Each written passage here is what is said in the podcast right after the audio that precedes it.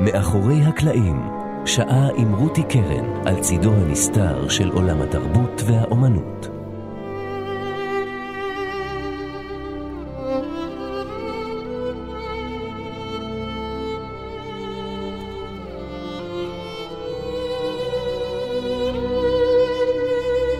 לפני שהקולנוע הפך לאומנות, הלכנו אליו לחלום, כותב אהוד מנור בשיר ימים של קולנוע, ואכן האפשרות המופלאה להיות במקום אחר, בזמן אחר אולי, להיות נתונים בחיים אחרים ולהיבלע למשך שעתיים, שלוש, בהוויה שאינה שלנו, בכל זאת כשאנחנו ישובים על כורסאות נוחות באולם חשוך ובוהים במסך גדול שבו מתרחשת מציאות או פנטזיה שלוקחת אותנו מהחיים שלנו ומאפשרת ניתוק מהם לפחות לזמן מה. סוג של קסם. נכון, גם התיאטרון ובוודאי ספרים מאפשרים גם הם בריחה שכזו, אבל אין ספק שהקולנוע, משום הוויזואליה ואין סוף האפשרויות הטכנולוגיות, בגלל היכולת לתת לדמיון להמריא למחוזות שאין להם גבול, מצליח באופן מיוחד לברוא אשליה מציאותית גם של פנטזיה. חשבתם פעם למה בעצם? איך זה קורה? מה יוצר את המקסם הזה ואולי מי יוצר את החלום הזה בעבורנו? איך בורים את ארץ לעולם לא, את הוגוורטס, או את ירושלים ותל אביב של שנות ה-40 וה-50, או סתם חדר של פילולוג החוקר את התלמוד הירושלמי. מישהו אחראי ליצור בשבילנו את העולמות האלו כמעט יש מאין. היום במאחורי הקלעים, ארד שוואט, מעצב הפקה בקולנוע. שלום ארד. שלום. אני רותי קרן, עורכת ומגישה.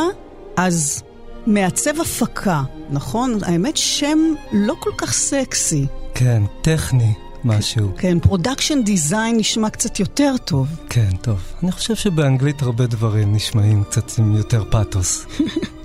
אז זה שם התפקיד שלך, שרובנו לא מודעים לו או מכירים בכלל, אבל אתה זה שמקים עולם שלם לזמן מוגבל, שעם סיום הצילומים נעלם ואיננו. אתה חושב לפעמים על זה שאתה למעשה עוסק בבריאה? כן, זה בריאת עולם שהוא מורכב מכל מיני פרגמנטים, מין קולאז' של רעיונות שאני אה, מדמיין, שומע, אבל סופג. אבל התחושה הזאת של אני בורא עולם. זו תחושה מדהימה של אני בורא עולם. אני חושב בעיקר מכיוון שבין הבריאה ליצירה עצמה, לעד הרגע שאתה רואה את העולם שאתה בורא, יש כל כך מעט זמן. לנו, כמעצבי אה, סטים, production designer ים, יש איזו פריבילגיה שה gap הוא מאוד קטן, מאוד קצר, בין הרעיון, התכנון, הביצוע והצילום, ואפילו הפירוק של הרעיון הזה הוא כל כך מהיר. אני יכול uh, לרנדר ולהפיק ולחשוב וליצור כמאה סטים לסרט.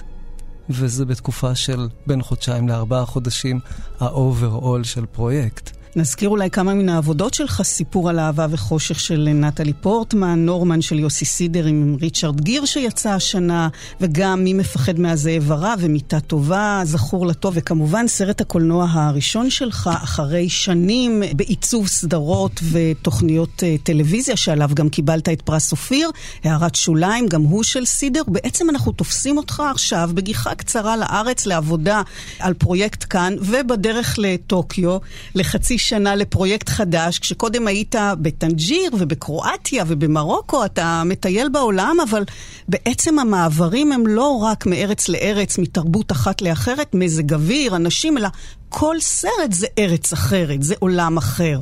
נכון? אז איך אתה עושה את המעבר? זה יותר ממעבר גיאוגרפי בין ארץ לארץ, בין מדינה למדינה, כי למעשה כשאני טס לטנג'יר לחצי שנה, התעסקתי שם בסרט אמריקאי שבעצם אה, חלק אינטגרלי מהעיצוב היה לבנות את אה, ביירות של שנת 75 ושנת 85. אני יכול להגיד ש... בצורה כלשהי הייתי בביירות חצי שנה ולא בטנג'יר. זאת אומרת, אה, טנג'יר זה ה location, זה המכל שבעצם אליו אני מוזג את כל הרעיונות ומשתמש בלוקיישן הזה כחלק אינטגרלי מהעולם של הסרט, אבל בסופו של דבר, עכשיו, אחרי, אני הייתי חצי שנה בביירות. לכן המעברים, אני חושב, הם בין עולמות שונים לגמרי. זאת אומרת, אה, בין להיות חצי שנה בביירות, לבין להיות uh, חצי שנה בבולגריה ולהקים את בוסטון. אני כל יום קם בבוקר וסוג של uh, נמצא בבוסטון ומעצב בתוך העולם של בוסטון הזה שאני מטייל בו וחושב בתוכו, מקים איזושהי אה, מציאות יחד עם הבמאי, איזה משהו שמשרת את הנרטיב לצורך העניין. זה נשמע קודם כל ממש כיף, אבל באמת, איך אתה עושה את המעברים האלה? זה לא זה, משוגע? זה משוגע, זה לא מובן מאליו, כי בדרך כלל לפני סיום של פרויקט אחד אני כבר בפרויקט אחר, ולפעמים הם חופפים או, או קורים במקביל. הדרך היחידה לעשות את זה, זה פשוט לקרוא את התסריט הבא, גם אם אני בתוך איזה רעיון עכשווי של משהו שאני עובד עליו כרגע, ופשוט לאבד שליטה ופשוט לקפוץ עד הסוף. ממש, עד שנוגעים ברצפה. וברגע שאתה שם זה לוקח אותך, אתה יודע, זה כמו טיול בעולם כלשהו. ובסופו של דבר אני מוצא את עצמי מכיר את הריח ואת הסוג של המדרכה ואת המוכר במכולת שנמצא ליד הדירה שאני אבנה לדמות. ואני מכיר אפילו את ההרגלים, אני יכול לחשוב שאני יודע מה פקיד הבנק שרואה את הדמות בכל uh, שבוע מחדש מבחין בדמות הזו. אם יש לו מכנסיים משוחים למעלה או למטה, אם יש לו נעלי ספורט, אם הוא צבעוני או לא, או אם יש לו ארנק בלוי או לא. ומשם והלאה, באיזה עולם הוא חי, מה הוא עושה, איפה הוא מסתובב, כן. אה, אם החדר שלו הוא קטן עליו או גדול עליו. זה סוג של חליפת חייט כזו, אני mm. מתאר לעצמי שלכל פרויקט אני תופר בנפרד. אני לא חושב שאני באמת יוצר את הרעיונות, אני חושב שהם שם, ושאני מלקט אותם ובונה איזשהו mm-hmm. קולאז', שלפעמים הוא מתחבר למשהו שהוא obvious, אני אישית מעדיף לא לתעד מציאות. אני מעדיף לקרוא תסריט שיכול להיות על, אה, לא יודע, סיפור על אהבה וחושך, תל אביב של שנות ה-50-60, ולהחליט שהיא דווקא בצבע שחור. היא דווקא לא תל אביב הבאוהאוסית, כי זה משרת איזה דרמה, איזה נרטיב שאמור לקרות בסצנה מאוד מאוד מסוימת. כשזה אורגני, יחד עם ה storytelling, מבחינתי זה עולם מושלם. שזה לא רק אה, תיעוד אה, גרפי, שאתה לא שם שם שלט גדול שאומר לקהל איפה הוא. הקהל צריך להרגיש איפה הוא.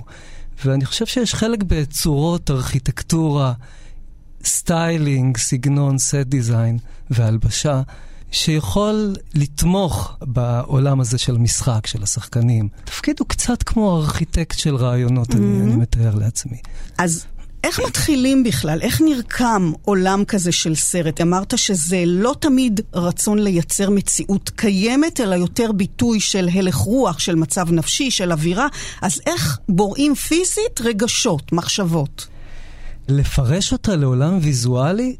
כן, זה משהו שלוקח יותר מחשיבה טכנית. לרוב אני מפנה את עצמי לגמרי. לדמיין את המקום הזה, קודם כל, אחרי שלמדתי את התסריט.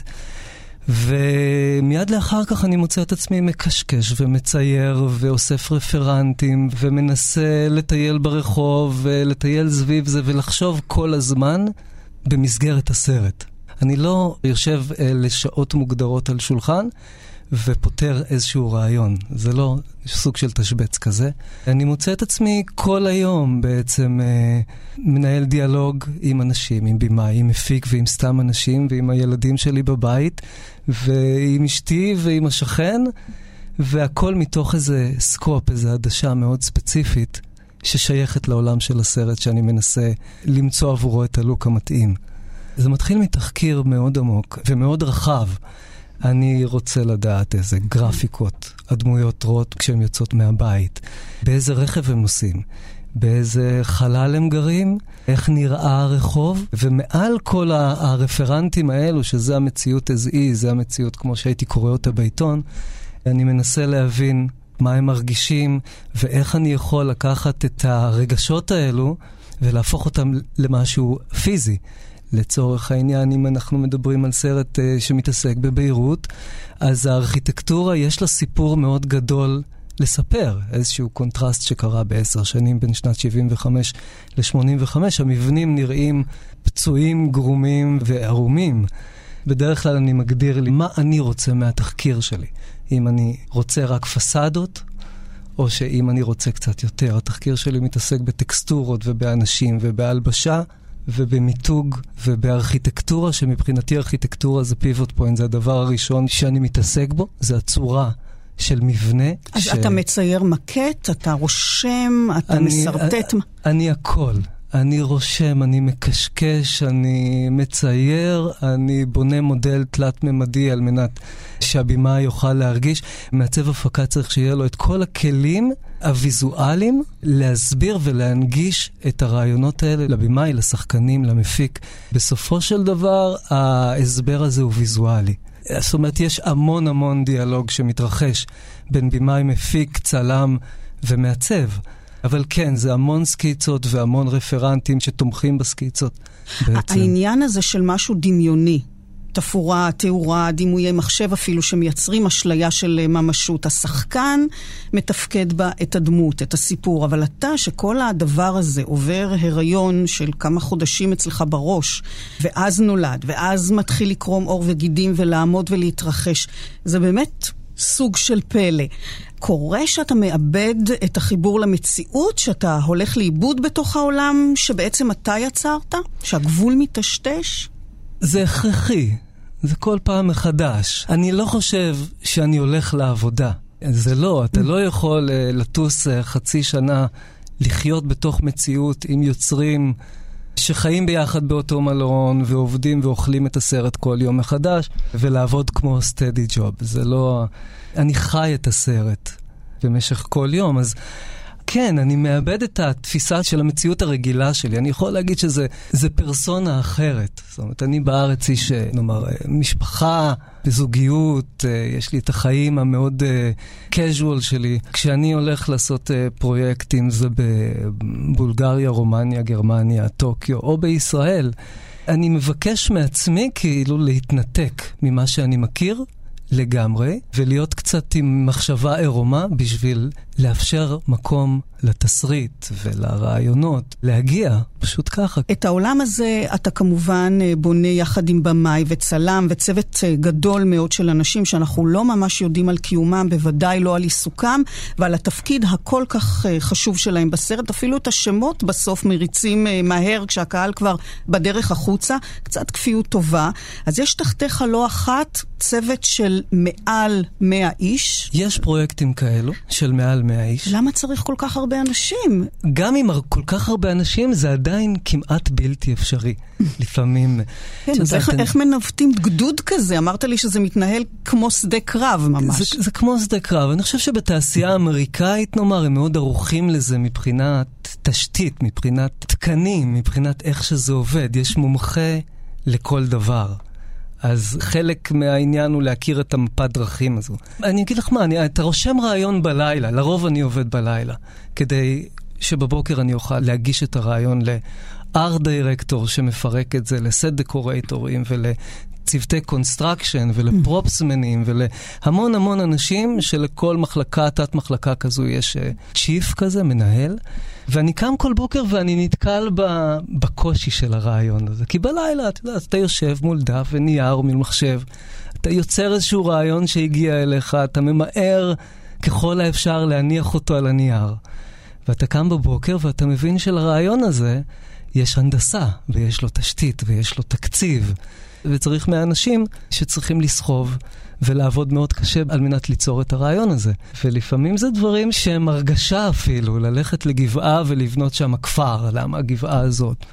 אתה מסתובב עם הבמאי ואתם מרגישים שזו הגבעה, ובלילה אתה יושב ומתכנן את הכל, ובבוקר אתה מבין שצריך לסלול כביש, וצריך לצקת בטון, ו... צריך לרהט וצריך לאבזר, פשוט אתה מקבל את כל הנתונים הטכניים. זה סוג של מפעל mm-hmm. שכביכול כמעצב הפקה, אמור להיות לך יכולת להרים את המפעל הזה בכלל, שיוכל להפיק את הרעיון, כי בסופו של דבר זה עומד במבחן התוצאה. הסקיצות יכולות להיות uh, מדהימות, אבל אנחנו לא אמני קונספט, זה גם לא סקיצה שאני יוצר אותה על מנת שהיא תעמוד באיזה גלריה. זה הכל מתוך כוונה שהרעיון הזה יהיה פיזי, יהיה במה מתחת לרגליים של השחקנים. הקשר הזה באמת עם הבמאי, שזה הסרט שלו, איך מתנהל הדיאלוג הזה? זה מערכת יחסים, כי כל הרעיונות באים מתוך השיתוף פעולה שלי עם הבמאי. זה נורא חשוב, וגם... אבל של מי הרעיון? הרעיונות מתחלקים. אני חושב שפעם, בקולנוע הקלאסי, היה בן אדם אחד שממציא רעיון אחד, והוא היה האבא והאימא של הרעיון. אני חושב שהיום בעולם התעשייתי, מתוך הבנה של העולם התעשייתי והמוצר, של קולנוע, שזה מוצר תעשייתי, הוא אומנותי, אבל יש בו חלק מאוד uh, מתועש, לפחות בתהליך עבודה. אני מוצא את עצמי בהערת שוליים, קורא סצנה בתסריט, בה נמצאות שש דמויות בחדר הוועדה. סצנה מאוד דרמטית. ואני ויוסף מתחילים לרנדר את הרעיון ולדבר על איך נעשה את זה ומה החלל הכי נכון. ומתוך הדיאלוג הזה, מה שעולה בסופו של דבר זה שהחלל הכי נכון יהיה חלל שיציב את הדמות הראשית, את אוריאל, במקום לא נוח. מקום שהוא קטן עליו, שהוא דחוס, וגם את שאר הדמויות.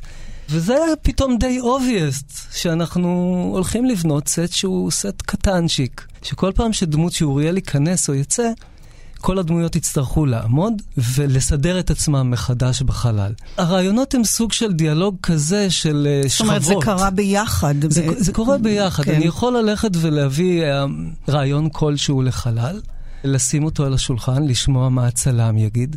לצלם יהיה איזשהו point of view אופי של תאורה כנראה מאוד מיוחד שאני אוסיף לשם. ולבימה יהיה איזה סוג של כיריאוגרפיה מאוד מיוחדת, או הוראת בימוי מאוד מיוחדת שהוא ישתמש בה על מנת להזיז את השחקנים מול המצלמה.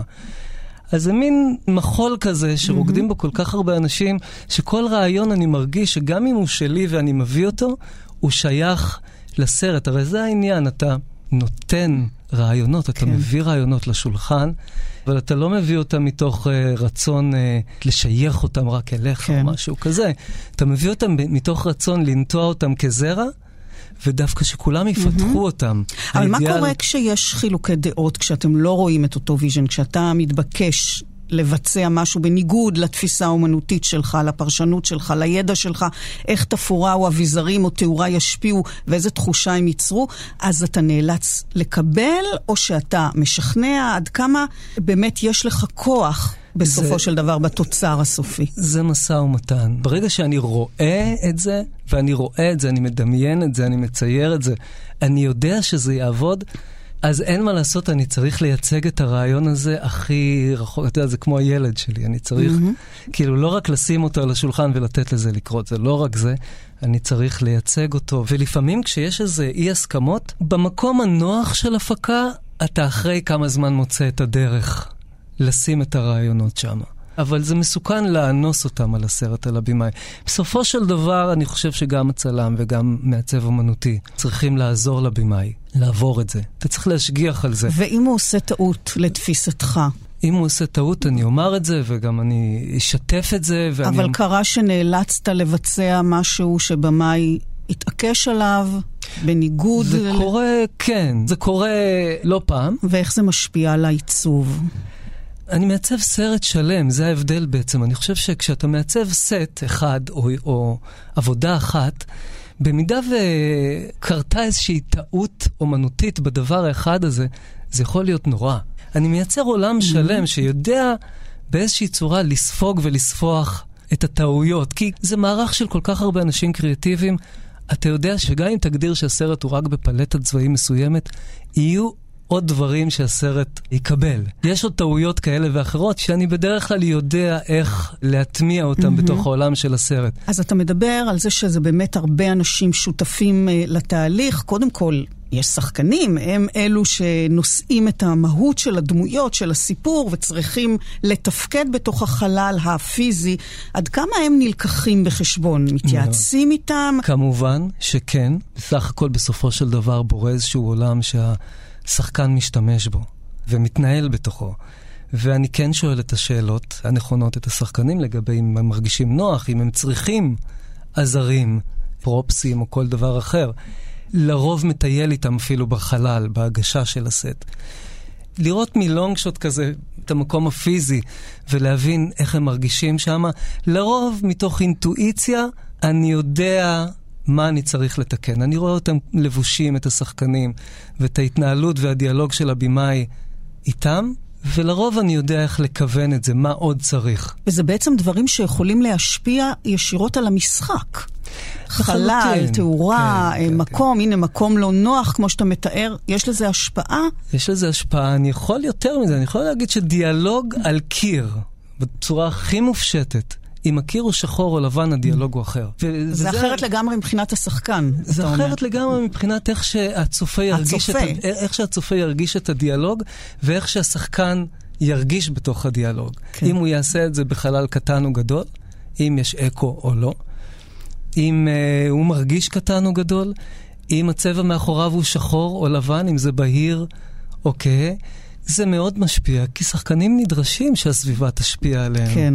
זה, אז זהו, אז אתה... זה חלק אינטגרלי. אתה סיפרת על הסצנה, באמת אחת הסצנות הידועות אה, והבלתי נשכחות בהערת שוליים, בחדר הצפוף הזה, סצנה אבסורדית וקומית. אה, בסרט הזה היו לא מעט בחירות נוספות מעניינות שירדו ממש לפרטים קטנים ביותר, נכון? כלומר, יש התייחסות לצבעים. ואם יש בחדר ספרייה, אז אילו ספרים בדיוק יהיו שם. או המרתפים של הספרייה הלאומית, שהם חשוכים ויוצרו איזו תחושה של מין נבירה עכברית כזאת, שמאוד הולכת בד בבד עם הדמות של פרופסור שקולניק, ודברים שמתרחשים מתחת לפני השטח. שזה מצד אחד נאמנות מאוד מוקפדת לריאליה כדי ליצור אמינות, מצד שני, אתה אומר, זה בא ליצור את העולם הפנימי של אותה דמות, כדי לתת לצופה בעצם רובד נוסף להבנה או למפגש שלו עם הדמות, מעבר לדמות עצמה, מעבר למשחק, מעבר לטקסט. אז בוא תגלה לנו קצת מן הסודות. שכצופים אנחנו לא מתעכבים ונותנים עליהם את הדעת, אבל באורח סמוי הם פועלים עלינו רגשית ומעצבים את החוויה הקולנועית שלנו תוך כדי, ושוב, זה אתה שמנווט את האפקט הזה. כן, אז לצורך העניין, בדוגמה שציינת, אפשר לבחון בסרט ולבדוק שחדרי העבודה של הדמויות הם שונים. אוריאל, סוג של חוקר תלמוד פופולרי, חדיש, ופרופסור אה, שקולניק, שבעצם הוא מהדור הישן. הוא באמת מרכיב מאות ועוד אות ועוד אות איזה תגלית מאוד גדולה. הוא באמת חוקר עד הסוף. וכשהתחלתי לעבוד על הדמות שלו, על החדר שלו, שהחדר שלו הוא דמות מבחינתי, mm-hmm. אז היה לי נורא חשוב לתפוס אותו בתוך האותיות, שסביבו יהיה מקסימום אותיות. עולם שכולו ספרים. עשרת אלפים ספרים. בחרנו אותם אחד-אחד. זה שעות mm. על גבי שעות של ישיבה עם uh, פילולוגים וחוקרי תלמוד, בשביל להבין מה יש להם על השולחן, מה סדר הפעולות שלהם כשפותחים את הארון, מה יש שם. לצורך העניין, החדר עבודה של שקולניק הוא מאוד מסודר. הספרים מונחים באופן מאוד מאוד ספציפי וסזיפי. הספרים מסומנים. החדר של אוריאל הוא מאוד מבולגן. הכל נראה בסוג של תהליך עבודה. הספרים פתוחים, והם נערמים, ויש לו מחשב שהוא נורא בולט. וזה הבדל, כי זה מספר קצת על הדמות, זה נותן איזשהו סאבטקסט שאומר, אוקיי, זה מישהו שאין לו הרבה זמן, והוא צריך להגיע כמה שיותר מהר לתוצאת המחקר שלו, וזה מישהו שהוא כל חייו יושב באיזו מתודה לימודית וחוקר את עבודתו. זה עולם מרתק, אני, אני גם אה, הופתעתי, האמת. זה פשוט אה, מאוד אה, מודרניסטי הסרט. דווקא הסרט הזה, שמתעסק בעולמם של חוקרי תלמוד. וזה מקסים, אותו דבר בחדר הוועדה שדיברנו עליו, שזו סצנה שכתובה בצורה מאוד מאוד דרמטית. החלל הפך אותה לקומית. השימוש של יוסף ושל הדמויות בחלל הפך את הסצנה להיות קומית. תגיד, איך נכנסה לשם מצלמה בכלל? אני בדרך כלל בחללים קטנים יוצר uh, קירות על גלגלים, קירות זזים כאלו, כדי שהמצלמה תוכל uh, להיכנס. כי כל מה שאני צריך בסופו של דבר זה להשיג איזה פרספקטיבה, איזה פריים. ורצינו פה שהדמויות יהיו בין קירות, ושהמצלמה תהיה בתוך החדר איתם, שהקהל ירגיש כאילו זבוב על הקיר בחדר הזה.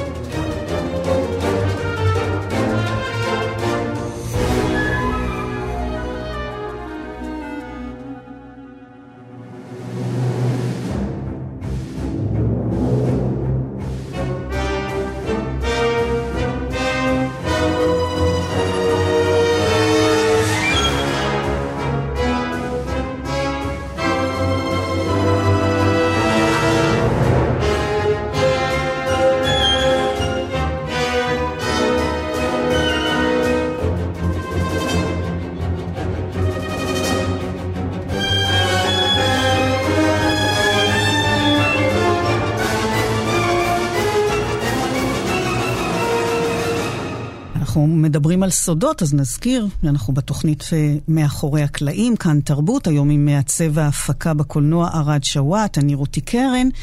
נקודת השקה נוספת היא עם הצלם, ועד כמה כל העולם הזה שאתה בנית והצפת יעבור גם דרך הצילום, איך מתקיים הדיאלוג כאן. זה מערכת יחסים מאוד מיוחדת, כי מבחינתי הצלם הוא מי שמנגיש את הרעיון למסך, הוא מי שמגיש את הרעיון כי למסך. משהו יכול להיראות לך נפלא על הנייר או בראש, וכשזה עובר דרך הפילטר של המצלמה, מאחורי זה- כל מצלמה עומד מישהו שמתפעל אותה, אז איך אתה רואה את האביזר הזה כדמות נוספת, כשחקן נוסף על הסט? המצלמה, מכיוון שאני ברמת העיצוב אה, חושב מאוד על העולם כעולם פיזי של הסרט, המצלמה היא דמות, היא מסתובבת בעולם הפיזי הזה. היא דמות שהקהל לפעמים מרגיש, בכוונה, ולפעמים לא.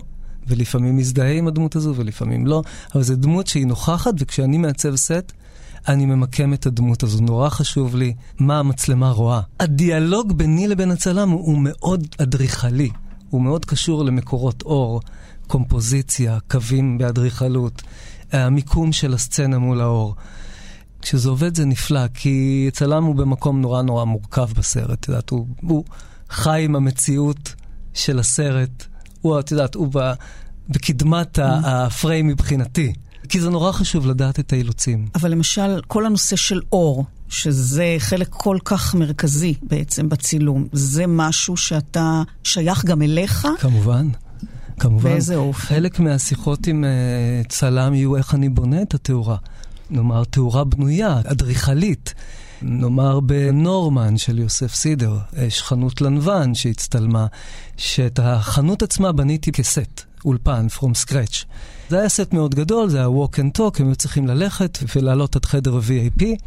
כשנוצר שם איזשהו מתח שרצינו לספר, של קניית אה, נעליים, בסרט זה מתפרש כמו לקיחת שוחד, נאמר. טובות הנאה. התאורה בסט הזה היא תאורה בנויה, כל הסט הזה הוא סוג של אה, קניון, מיני קניון כזה. נורא רציתי לא לערבב בו פנסים טכניים. שהשחקנים יוכלו פשוט ללכת ולהרגיש שהם הולכים בתוך חנות, ולא להתחיל להגדיר להם את ההליכה שלהם על ידי כל מיני ברזלים של קולנוע. וזו דוגמה טובה, כי כל התאורה היא חלק מעיצוב הפנים. אז אתה אה, בעצם גם מעצב אה, אדריכל ומעצב פנים ותאורן ו... זה גם המקום תכלס שאתה יכול להגיד שאתה מסתכן כאילו עם עצמך, כיוצר. כי אתה יוצר איזשהו רעיון שאין לו חוקים, זה אין לו תקנים. כוח הכבידה לא עובד על התפאורה שלי. אני לא צריך יציקות, mm-hmm. אני לא צריך מהנדסים, אני לא צריך רישוי, אני לא צריך תקן, אני לא צריך עירייה. אני לא אשים חשמל בקירות. אני יכול להרכיב את התקרה במקום של הרצפה ואת הרצפה במקום התקרה, וזה יעבוד. זה הקסם מבחינתי, זה, זה מה שאני עושה. בסרט של אה, נטלי פורטמן, על פי הרומן האוטוביוגרפי של עמוס עוז, סיפור על אהבה וחושך, אה, בנית לא רק אה, חלל מתקופה אחרת, אלא גם היה שם במוצהר ניסיון לשקף ולבטא באמצעות העיצוב את אה, נפשה הרגישה, המעורערת והפיוטית של האם.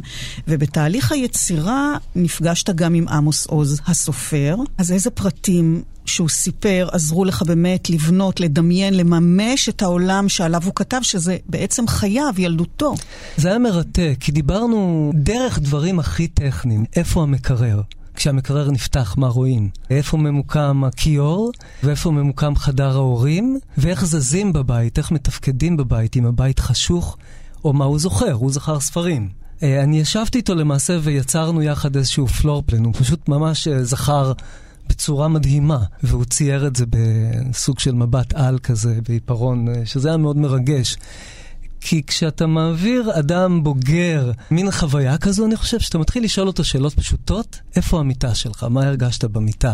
השמיכה היא מצמר? היה עץ בגינה? מי היה השכן שלך? אז אתה מכוון אותו למקומות שהם אה, מאוד אישיים, שאין בהם משהו אפילו מאיים, זה פשוט תיאור של, של הבית כדמות, איך הוא זוכר את הבית, את הקופסה הזו. ושוב, התרגום שלך לשפה הקולנועית הוא לא אחד לאחד, נכון? אז איזה התמרה, למשל, הפרטים שהוא סיפר עוברים בדרך? אחרי הפגישה איתו בעצם הבנתי שכל הנקודת מבט של הסיפור, של הסרט, היא נקודת מבט של איך מבוגר זוכר את אמו מנקודת מבטו כילד. הוא זוכר את העולם סוגר על האם. סוגר אט-אט את ירושלים, הם קירות האבן הכבדים, לאט-לאט מצטמצמים על האם, שכל העולם הפנימי שלה הוא ירוק, וכל הזיכרונות. שהיא כאילו כמהה אליהם הם uh, מרובנו, או מיערות, או מערים בחיים הקודמים שלה. וזה כלי, זה היה כלי מאוד מאוד רציני, כי השתמשנו בו באמת. האמא חיה ומתנהלת בתוך... בית שהוא לא מרגיש אותה, הוא לא ממש שלה, היא בין הספרים של בעלה. אין לה ממש מקום, המקום שלה הוא טכני, הוא בין המטבח לאירוח, ומדובר באישה מאוד מאוד אינטליגנטית. שהילד מעריץ את הרעיונות הוויזואליים, את הסיפורים שלה. וזה משהו שלקחתי מעמוס עוז בפגישה, פשוט uh, את הרעיון הזה, שהוא רואה את המציאות מצטמצמת. ויש סיפורים קטנים שאימא שלה נזכרת וכמהה אליהם ומספרת לילד, ששם אתה מרגיש את הצורך שלה בנוף, בפתוח, בשקט, בירוק, במקום הפחות uh, קלסטרופובי. ואת זה ניסית בעצם לתרגם לוויזואליה מבחינת התפאורה, מבחינת התאורה. כן. למשל, איזה בחירות עשית כאן בעניין של צבעים ומבנים? איך בכלל משחזרים תקופה או מקום כשהוא כבר לא נראה כך ואי אפשר להשתמש בקיים? ניסינו להגיע לעולם הכי כהה שאפשר. בירושלים, והכי שבור שאפשר, ירושלים של הסרט נראית אה, לפני מלחמה או אחרי מלחמה, קראתי לזה. אה, יש כל מיני שברים של עצים ברחובות והקרקע. איך עושים את זה? ברמה הטכנית זה פשוט המון המון עבודות construction, זה להיכנס למקומות מגורים או לאתרים כמו בית היתומים שנלר בירושלים ולהתחיל לבנות, להתחיל לשנות את תוואי המקום. זאת אומרת, להביא 30 משאיות של אדמה שחורה בשביל שהדמויות יוכלו ללכת אה, בצורה אחרת. הם לא הולכים על מדרכות ישרות, הם הולכים אחרת, זה נראה אחרת גם. להשתמש בכל מיני uh, חיפויים של uh, פח גלי חלוד, או עצים uh, אפורים שמזג האוויר כבר עבד עליהם. זה ליצור תפאורה בסרט הזה ספציפי, בסיפור על אהבה וחושך, שיכולה להיטמע ולחיות אורגני בצורה מושלמת עם עולם אמיתי, כי רוב הסרט לא צולם באולפן. נורא רצינו שהסרט יישאר בירושלים, שיקבל איזה משהו מירושלים. אז כן, זה היה מורכב, כי היינו צריכים להיכנס למקום עם אוכלוסיית אה, אזרחית, נאמר, שלא קשורה לסרט. ולעבוד בתוך מקומות מאוד מאוד רגישים, זה מצריך תכנון מאוד מדויק. בטח בסיפור כזה, שכל יומיים אתה בסט אחר, הדמויות הולכות המון ברחובות, אז... אה, הבנתי שכיסיתם רחובות שלמים, נדמה לי בצילומים של תל אביב. כיסינו רחובות שלמים בכל מקום שצילמנו. זה פשוט סגרנו רחובות שלמים ובנינו פסדות והצבנו כן. מחדש. לצורך העניין הרחוב התל אביבי הוא כולו בנוי, הוא כן שעון על סמטה קיימת, אבל כל הפסדות של החנויות... בעצם כל המחשבה האמנותית הייתה שמקור האור יגיע מהוויטרינות של החנויות, אז... אה, וכאן אז... היו החלטות שהן לא רק שחזור של בתים ואיך הם נראו פעם, אלא באמת לתת מקום ומשמעות ונוכחות למילים, לספרים, לעובדה שזה בית שנולד בו סופר ושאימו הייתה אישה של מילים. זה נראה משהו מאוד מופשט. איך מתרגמים דבר כזה? כן, זה מאוד מופשט, ואני אוהב שזה מאוד מופשט. איך עושים את זה? נורא קשה לנסח mm. את זה, כי זה מעבר למבנה שאני אבנה. יש מעבר לזה בקולנוע איזה שיח יוצר, כי בסוף זה מעבר למקום שאני אבנה, זה לא לספר במקום הזה סיפור, צריך להחיות את המקום הזה. להחיות אותו זה לא רק uh, לתת לדמות או לניצבים להסתובב בתוכו, זה להביא אותו למקום את המצלמה למקום מאוד מאוד ספציפי מול הדמות שנמצאת בתמונה הזו, על מנת שהקסם הזה יעבור. אז זהו, בהמשך לזה, לכל יוצר יש מן הסתם את תו ההיכר שלו, את השפה שלו, את הייחודיות שלו. אתה צריך בכל פעם למצוא את ההרמוניה ואת הקומבינציה עם שותפים חדשים, עם שפה חדשה, עם סיפור חדש. אבל מה בכל זאת אתה מביא שהוא שלך, שהוא גם הייחודיות שלך, האפיון האומנותי שלך, אם השוני בכל פעם הוא ישנו שם, הוא חוזר, אפשר לזהות אותו. אני חושב ואני מקווה שאני מביא בכל פעם point of view שהוא שלי. שהוא אישי. זה יכול להיות uh, במיטה טובה. את יודעת, אני מוצא את עצמי במיטה טובה, מסתובב המון סביב המוות וסביב uh, סוף החיים, כחלק מהתחקיר לסרט הזה, וסביב uh, כל מיני uh, מקומות שמשמשים כדיור מוגן. ואני מבין שמה שאני יכול להביא... זה את המקום הזה, שנקרא דיור מוגן, לצורך העניין, שכולם גרים בתוך קופסאות מגורים קטנים. וזה מקום שאני מביא מעצמי, זה מקום שאני קורא, ואני רואה אנשים שחיים עם התקרה מאוד מאוד נמוכה, והם חיים בין קירות, והם חיים במקום... שהוא לא מאוד אישי, שכשהם ילכו מישהו אחר ייכנס בדיוק לאותו המקום, ומקום שהוא לא משתנה, וזה רעיונות שהם אישיים, זה רעיונות שאתה לא קורא אותם, את הספציפיקציה הזו של גודל וצורה, של מערכת היחסים בין הדמות למקום, כי זה משהו שאני מתעסק בו המון. אני חושב שהכלים החזקים שאני אוהב להשתמש בהם זה פרופורציות, זה דברים שהם אומנותיים, זאת אומרת שהם לא פונקציונליים כאלו. שלפעמים יכולים להיות הפוכים לגמרי מהסיפור, אגב. למשל? וזה, וזה דווקא יכול לעבוד. אה, זה יכול להיות למשל בסיפור הלאווה בחושך. זה יכול להיות אה, הרחוב התל אביבי, הוא שחור. סיפור הוועדה בהערת שוליים.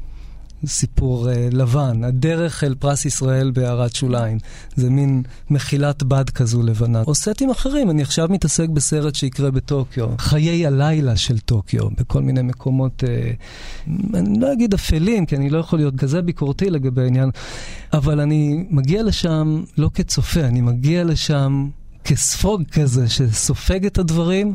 ומוציא אותם מחוויה אישית שלי בסוף. אני בסוף צריך להיות שם. אם זה סיפור שמשתמש במלונות אהבה בטוקיו, אז אני שבוע שלם במלונות אהבה בטוקיו. כדי לעצב אותם אחר כך. כדי לעצב אותם, כדי להרגיש אותם. אני יכלתי לעצב אותם גם מהאינטרנט, את יודעת, משיטוט בגוגל, כדי להרגיש אותם, כדי להסתכל על האנשים שמגיעים לשם. אני מדבר על שבועיים, שזה מה שאני עושה. אני במלונות אהבה בטוקיו. להגיד לך שזה לא נכנס, גם אם לא הייתי עושה תחקיר לסרט, והייתי אומר לך, רותי, שבועיים מ-10 בבוקר עד 3 לפנות בוקר, מלונות אהבה בטוקיו. אחרי שבועיים, משהו קורה, משהו נדבק לחיים האמיתיים שלך אפילו. אתה מבין משהו, אתה מריח משהו. החוויה הזו סיפרה לך משהו שלא הכרת. כשלפני הטיסה אני חשבתי... אה, היה לי כל מיני uh, עניינים מוסריים אפילו עם העולם הזה של uh, מערכות, של לאב הוטלס כאלה ואחרים. כשהגעתי לשם פתאום הבנתי שזה לא, שזה, שזה כאילו, זה obvious, זה בסדר, ואיזה יופי שמותר לי להסתכל ולחוות את זה במסגרת של סרט. שזו חוויה שאתה יודע שיש לה התחלה, mm-hmm. אמצע וסוף. והיא מוגנת. זה, היא מוגנת כן. בצורה מסוימת, כי גם מה שאתה חווה בסרט, כשאתה, את יודעת, כשאני נכנס לאיזשהו... אני אספר לך סיפור, מלון אהבה אחד בטוקיו היה מלון אהבה מאוד מאוד אה, נמוך. זה היה סוג של סאדו מאזו, משהו מאוד מאוד אה, אגרסיבי. בעצם ביקשתי שיקחו אותי למקום הכי נמוך. שיש, הכי מתוסבך שיש, הכי קיצוני שיש. כי במהלך כל השהות, את הביאו אותי למקומות המעוצבים, האסתטיים הרגילים. ורציתי לראות את המקום שבו יכולה להיות איזו פרוורטיות כזו, שהיא תהיה הכי זרה לי. הגענו למלון, היה מאוד מאוד חשוך, אבל המלון נראה מלון בסדר, למעט האספקטים המיניים שמתחוללים שם. ויש איזו גברת זקנה שרואים רק את הידיים שלה שמגישה את המפתחות, ואני עולה לחדר ומסתכל בחדר, רואה את כל התפאורה, כל מיני מתקני עינויים כאלה ואחרים, שלא ריגש אותי במיוחד, כי אמרתי, אוקיי, ידעתי שאין לזה בסרט. אתה...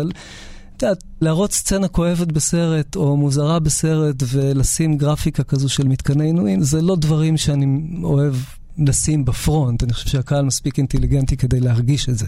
הוא לא חייב לראות את ה visual הזה. כן.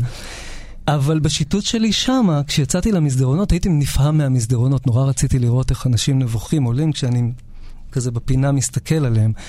ודלת אחת נפתחת ושמעתי צעקות אימים מהחדר. וזו חוויה מזעזעת, כי אתה, אתה יודע, אתה לבד בתוך איזה מסדרון, בתוך איזה מלון sketchy כזה עם אייפון שלך, מנסה להנציח את החוויה. אבל זה מזעזע אותך.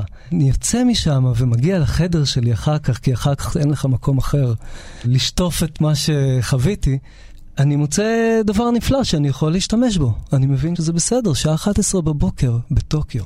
מנקודת מבטו של הסיפור שבתוכו אני חי כרגע, של הדמות, של מרגרט, שהיא עובדת במקום שכזה. אז החוויות האלו זה מעבר לרפרנס, אתה לא הולך בשביל ללמוד על מקום. כמו לימודים אקדמיים. אתה לא מנציח אותו בפריים ואז מסתכל במלון על מה ראית. אני מתקשר עם המקום מעבר לרמה התכנונית. לרמה החווייתית שלי בתוך המקום, כי זה מה שאני צריך להעביר לצופה ולספר לבמאי. מה אתה מרגיש שאתה נכנס למקום כזה, ומה השוני בין מקום כזה למקום שהוא כמו כזה. כן. כי יש כל כך הרבה סוגים. אז יש קאטים מאוד מאוד רציניים, גם בסיורים האלה, אגב. את יודעת, אני שעה לפני כן הייתי בתיאטרון קבוקי, מאוד uh, מעונב באיזה כן. תא VIP עם סושי ביד. כן. ושעה אחרי זה מצאתי את עצמי בורח ממלון האהבה אפל בטוקיו, והולך למלון בשביל לסדר את התחושות. אתה פוגש גם הרבה מאוד אנשים, נמצא בתנועה מתמדת, uh, כעת אתה כאן, אבל באמת אתה מחלק את זמנך בשהיות ארוכות במקומות בעולם.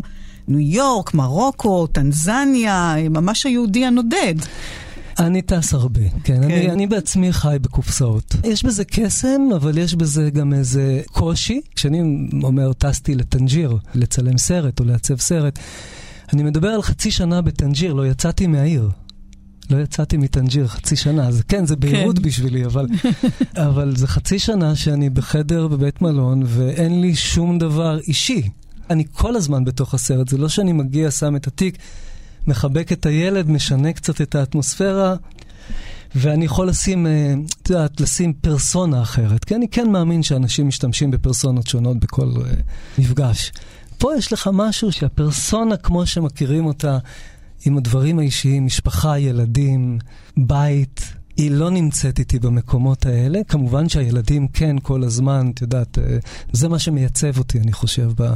אם הייתי חושב על מה שומר עליי, בצורה מוזרה, כי זה אמור להיות ההפך, זה הקן המשפחתי הזה, זה הבת זוג שלי והילדים שלי, כי זה לא ברמה הפיזית שומר כן. עליי, זה ברמה שכשאני מגיע למקום שאני כבר חמישה חודשים בתוך, uh, מנהל מאה אנשים בתוך שדה קרב, וכל לילה אני רק יוצר, וכל בוקר אני רק מתמודד ומנסה לנצח על המערך הזה. המקום של המשפחה הוא ממש כמו עוגן, כי הוא, אתה יודע, עוגן בשבילי זה מקום שנמצא בקרקעית ולא נמצא על הספינה כשהוא מעגן אותך. וזה ממש ככה, יש איזה מרחק ביני לבין המשפחה, אבל ברור לי שהם קושרים אותי למשהו שמאפשר לי לחשוב ולהיות במקומות האלו שאני, שאני נמצא בהם, כן. שלפעמים הם מאוד מאוד רחוקים, לא רק גיאוגרפית. המקום הגיאוגרפי הוא לא פחות מסובך. המקום התרבותי-גיאוגרפי. אני כל פעם עובד בעצם עם uh, צוותים שונים, בשפה שונה, במדינה שונה. שפה היא לא ממש מגבלה, אני חושב. מה שכן מגבלה זה המקום, להתרגל למקום, להבין איך מה שאתה אומר מתקבל. כי הבאונס של הרעיונות האלו עם אנשים חדשים, אתה יודע, לוקח לזה קצת זמן, עד שאתה זוכה למעמד שלך בתוך ההפקה, כי אני מנהל לפעמים ומלהק המון המון מקצוענים שיכולים להגיע, אחד מגרמניה, מברלין, ואחד מלונדון, ואחד מארצות הברית, ואחד מסינגפור, ואחד מאינדונזיה. ואתה צריך להסתכל עליהם ולהבין שהם חייבים להסתדר. הצירוף הזה של מקומות אה, משתנים וסרטים שונים בתכלית ועלילות משתנות ובאמת אנשים מכל העולם, זימן לך מן הסתם רגעים שאדם מן היישוב ייתקל בהם אולי פעם או פעמיים בחייו, אם בכלל, ואצלך זה יכול לקרות ללא הרף. איזה מפגש הותיר בך זיכרון, משהו שאולי היה לך קשה להתמודד איתו, רגע ששברת את הכלים, או משהו שאתה דווקא נוצר, שהוא יקר יקר ערך ומרגש. אחד מהמפגשים המעניינים, אני יכול להגיד, היה מפגש עם ארכיטקט מביירות. ובצורה מוזרה מאוד הזדהיתי איתו כשראיתי אותו. הוא היה כמוני, צעיר, אמביציוזי, נראה כמו מישהו שגר במטרופולין, מעודכן, מעודכן בחשיבה. ועל קירות המשרד שלי היו את כל אסונות ביירות בין שנת 75 לשנות 85, אה, כדי שכל מי שבדרך למשרד שלי יוכלו לחוות את כל השדה קרב הזה. וגם הכי נוח לי ככה לתקשר עם הצוותים על ידי אימג'ים. והוא הגיע לרעיון עבודה אצלי, כי נורא חשוב לי היה ליצור דיאלוג עם ארכיטקט, שידע לספר את הסיפור של הבניינים ולשתף איתו פעולה בסרט הזה. הטיול שלנו על רקע זוועות המלחמה, שהוא מביירות ואני מתל אביב, זה היה רגע שלקח אותי למקום חדש, שהוא זר לי. אתה פתאום uh, רואה אדם. את יודעת, זה כאילו, אתה פשוט מסתכל על משהו שהוא שכן שלך, רחוק, עם ביקורת מאוד מאוד גדולה שאתה מביא איתה מהמדינה בה אתה חי, ובתהליך כזה שאתה פתאום בלי הביקורת הזו, ואתה עומד מול קיר כזה, קורה איזה רגע של שני אנשים, בלי הפוליטיקה, וקורה שם משהו שמאוד הביך אותי, האמת, באיזושהי צורה. כשאני יודע שאיפשהו כל אחד מייצג איזשהו צד, בסיפור הזה. כמובן שמיד אחר כך אני חושב במסגרת הסרט שזה בדיוק מה שרציתי שיקרה. כנראה. רציתי שמישהו משם יבוא ויפעיל אצלי את המקום הזה mm-hmm. של עכשיו אני רואה אותך. עכשיו אני רואה איך אתה עומד באמצע הרחוב בביירות ומה אתה רואה. בלי קשר לאיך אני ראיתי אותך לפני כן מישראל. וזה מקום מאוד מיוחד, אה, זה מקום, זה חוויות... שהן נשארות איתי כי הן פרסונליות. אני חייבת לומר שכשאני חושבת על מה שאתה עושה, זה נשמע לי כל כך מרתק וכל כך מלהיב וכל כך מסעיר, כל הזמן שינוי, בכל פעם מפגש עם עולם אחר. אולי בגלגול הבא אני ארצה להיות מעצבת הפקה בקולנוע, אבל אני מניחה אני שזה, שזה הצד הזוהר של העיסוק הזה, ויש בוודאי גם רגעים של עייפות והתשה ונמאס ולחצים, מכל כך הרבה אנשים שיש להם אגו מאוד גדול, ובואו נזכור שיש כאן אה, עיסוק באומנות וביצירה. שזה תמיד מקום מאוד יצרי וסוער. איך אתה מתנהל מול כל הדבר הזה רגשית, אתה, כערד? לא משנה מה, לפעמים אתה צריך לבטל את ערד בשביל לעבור את הסרט, קודם כל. אני לא חושב על המנגנון שלי, איך להתמודד כשאני בתוך הפרויקט. אני כן חושב על המקום איך להביא את עצמי כאומן כל יום לפרויקט, אבל כן יש לזה מס. אני כן מגיע אחרי פרויקט ומבין את כל המקומות שהייתי בהם, וכמה אינפורמציה וחוויות עברתי בנקודה של חצי שנה. ואני פשוט נותן לעצמי את הזמן. אבל כשאתה אומר מחיר, עד כמה אתה בפנים ו- ואיזה מחיר זה גובה ממך? בעיקר העובדה שאין לך משהו אחר מחוץ לזה. כשאני עובד חצי שנה, חצי שנה זה סוג של lifetime. חצי שנה לסרט. ויש לזה מחיר, כי חצי שנה אתה לא חי את הפרסונה המשפחתית הישראלית שבה יש לך את הזהות המוגדרת שלך. אתה חי זהות אחרת לגמרי. של מעצב שמעצב למשפחה של עמוס עוז את המציאות שלהם בתוך מסגרת של סרט, או של אה, איש אה, CIA לשעבר בביירות, או של אה, פילולוג. אתה חי במציאות אחרת. אז אתה מתנתק? זאת אומרת, אתה מתנתק מהחיים האמיתיים ואתה לגמרי שם? זה לא כן. לא מסוכן? כמובן, אבל אני מעוניין להסתכן. אני כן כאילו קופץ פנימה ומתפלש ומתלכלך ויוצר ועושה וסובל מזה ונהנה מזה. אבל יש בזה איזה אושר גדול גם. למזלי, אני כאילו רוקד עם יוצרים מאוד מאוד מעניינים.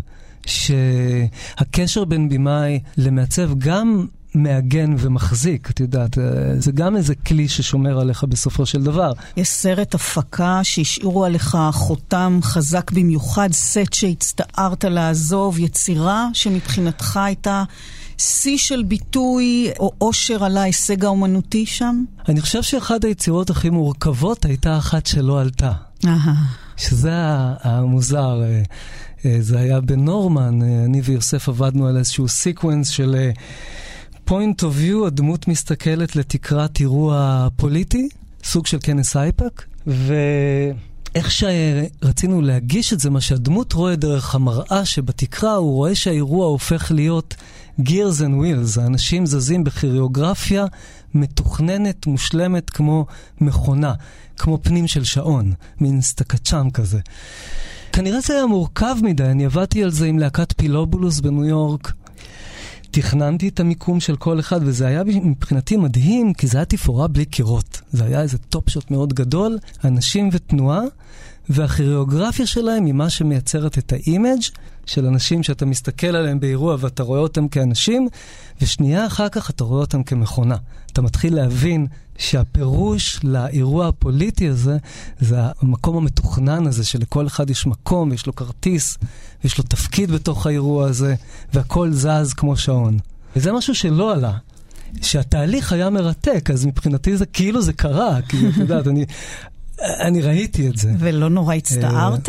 הצטערתי, מצד שני, הייתי מצטער יותר אם הרעיון הזה היה מגיע למסך לא כמו שהוא צריך להגיע. יש סרט שאתה חולם לעשות מבחינת אה, נושא או סיפור שאתה יודע שהוא חומר גלם או נקודת מוצא שאתה יכול לייצר ממנה משהו מופלא שמאוד היית רוצה לבצע. במאי, שחקן שהיית רוצה לעבוד איתם.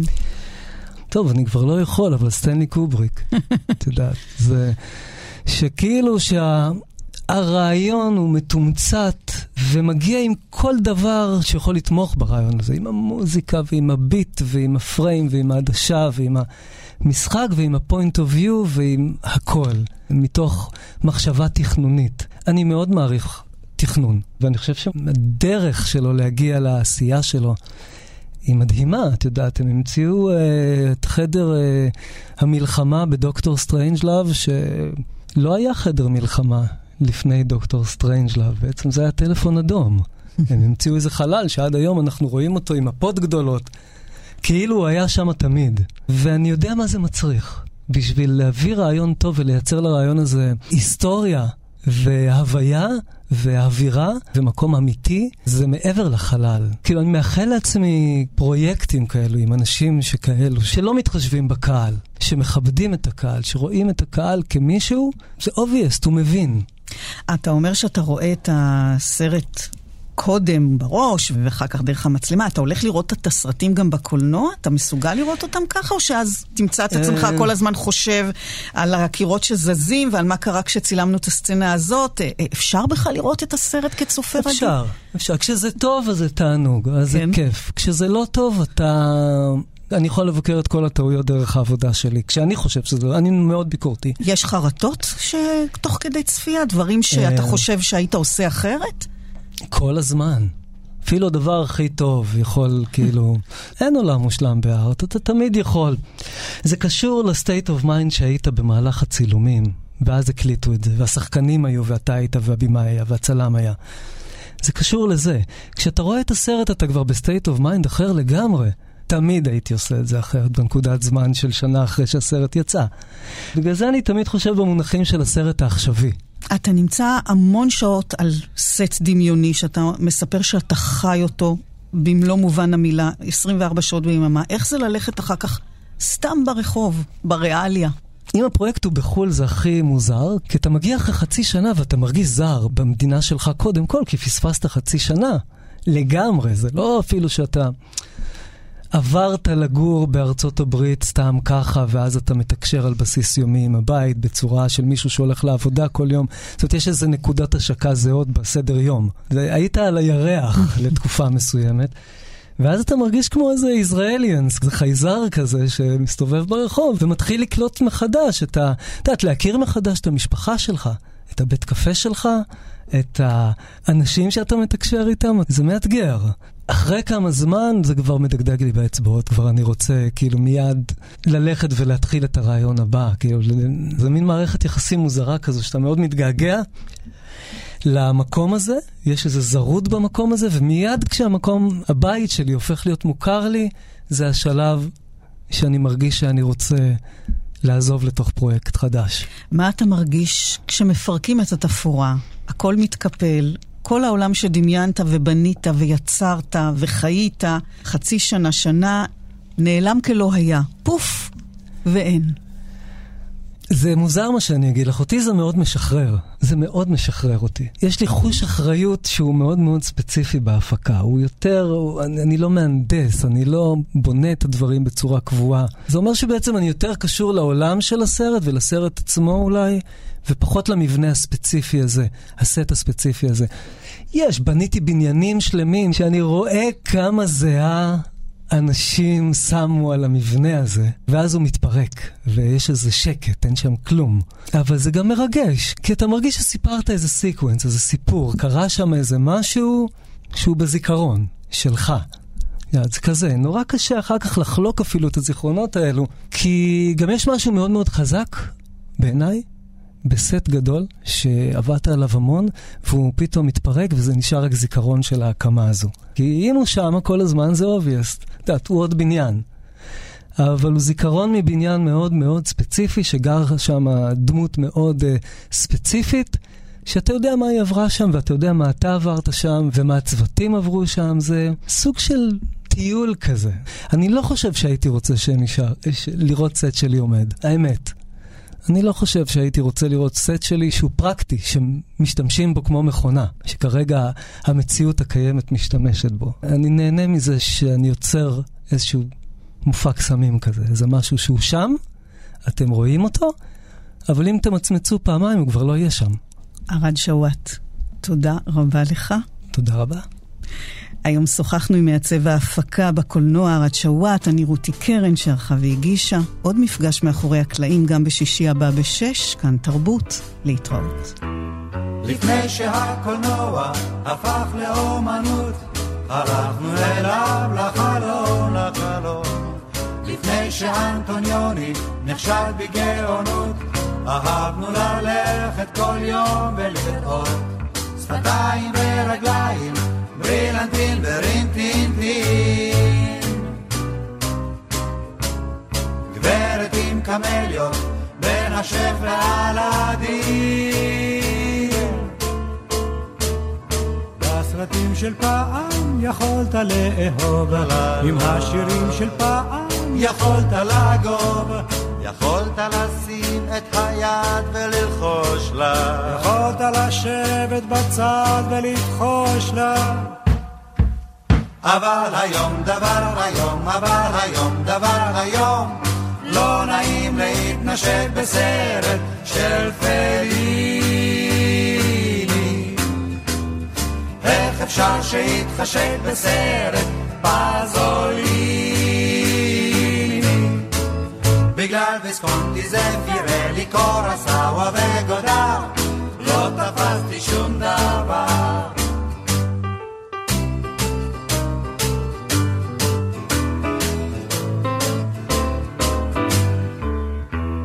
עכשיו צריך לשמוע תודות והרצאות, ניתוח לפני ואחרי ואחרי. עכשיו צריך בשקט לשאת בתוצאות וכיצד והרי ולראות סמים וחוסר קשר, גז מרעיל ווייטנאם. דיאלוג חסר כל פשר וגברים ללא עונה. הסרטים של פעם לא בא להתאמץ, עם השירים של פעם יכולת לגהץ. לחלום איך שגר בו אותי מנצחת. כי רק אתמול היה גדול, כי רק אתמול היה גדול, כל דירה הייתה מבצר וכל מיטה שני דונם. אם הלב היה נשבר בכל מקרה, רק דושה. ואז במגדלורים, באוריונים, רקסים והעם, התאהב כל העולם. בגלל ויסקונטי זה פירלי קורסאווה וגודר, לא תפסתי שום דבר. בגלל ויסקונטי זה פירלי קורסאווה וגודר. מתחשק